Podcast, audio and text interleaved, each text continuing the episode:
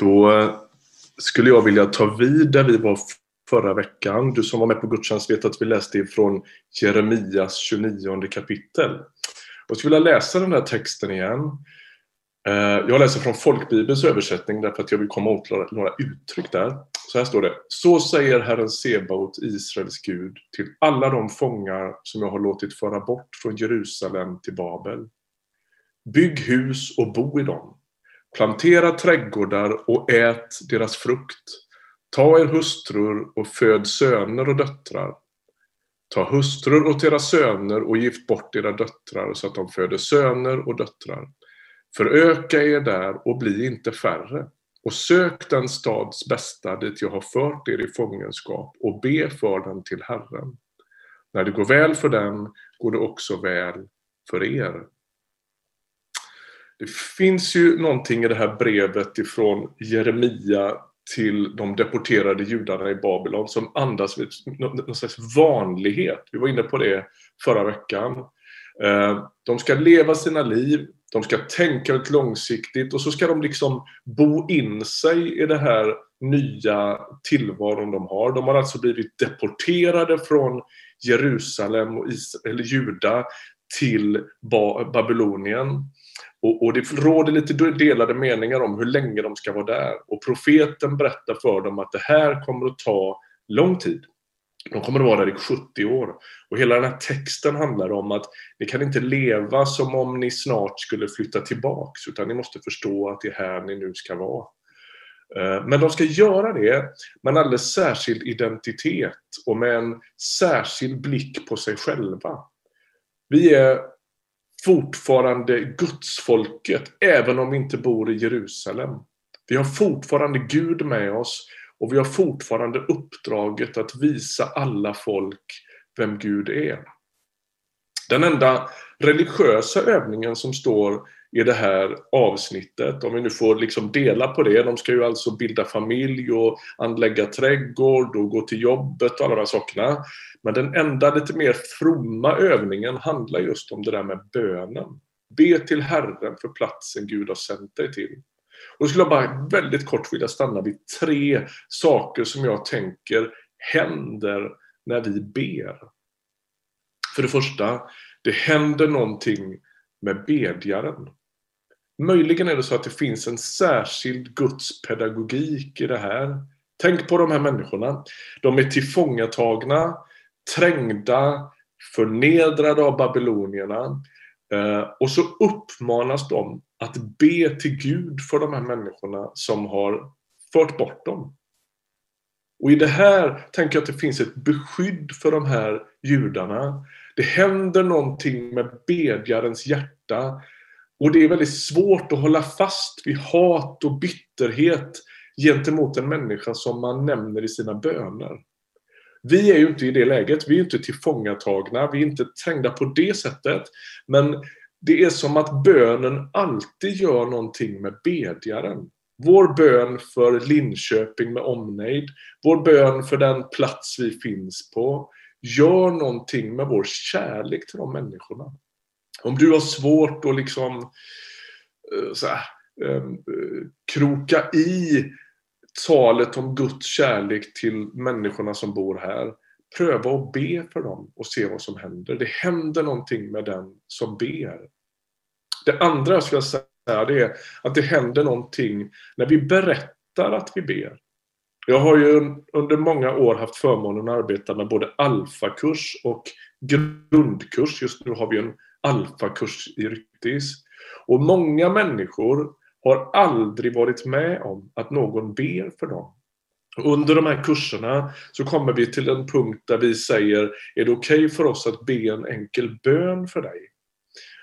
Och min erfarenhet är att det där är en ganska, ja men bara, bara att någon, att veta att någon ber för en kan vara en ganska stark upplevelse om man inte är van vid det. Att dessutom höra sitt namn nämnas i bön är smått omtumlande för människor. Eh, och det där är väldigt vackert. Och för oss som är vana att gå till en kyrka eller finnas i en cellgrupp eller sådär, så kanske det inte är så ja, men det är lite vardagsmat för oss och det är inte så märkvärdigt. Men för den som är med om det för första gången är det enastående märkvärdigt.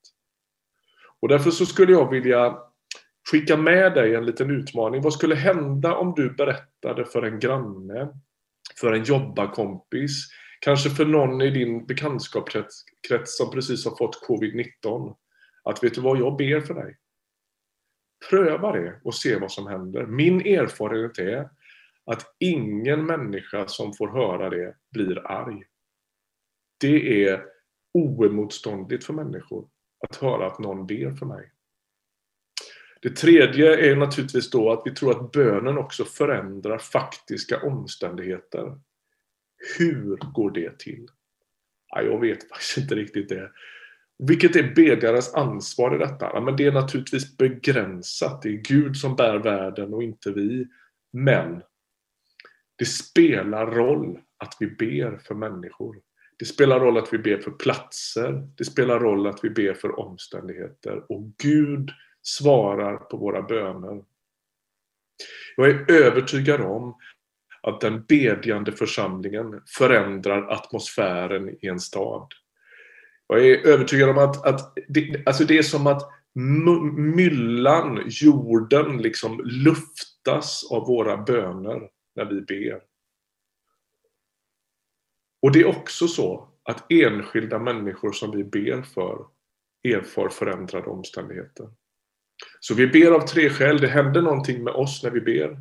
Det händer någonting när vi berättar för människor att vi ber. Och det händer också någonting med faktiska omständigheter när vi ber. Och hela andemeningen i den här texten det är att Gud har satt dig på den plats där du finns och där du lever. Lev ditt liv där. Bo där fast förvissad om att han går med dig.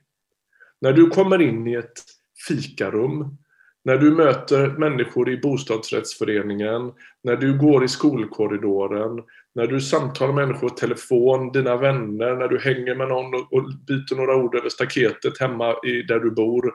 Så tänk att Gud är med dig där. Dit du går, dit går också han. Nämn dina nätverk i bön. Be för staden, be för byn, be, be för samhället, be för gatstumpen där du finns och där du verkar. Eller för skolkorridoren där du finns. Det händer någonting när vi ber. Och att liksom sträcka lite på sig, inte minst i en sån här otroligt utmanande situation vi finns i nu. Och säga, jag tror att Gud har satt mig här. Och han kan använda inte minst mina böner. Det skulle jag vilja skicka med dig. Gud välsigne dig. Var frimodig att be och när läget uppstår, berätta att du ber. Vi ber tillsammans. Herre, tack att vi med våra enkla böner kan förändra sammanhang. Tack att vi med våra böner kan få vara med och förändra pH-värdet och atmosfären och temperaturen i våran stad. Vi ber för Linköping med omnejd.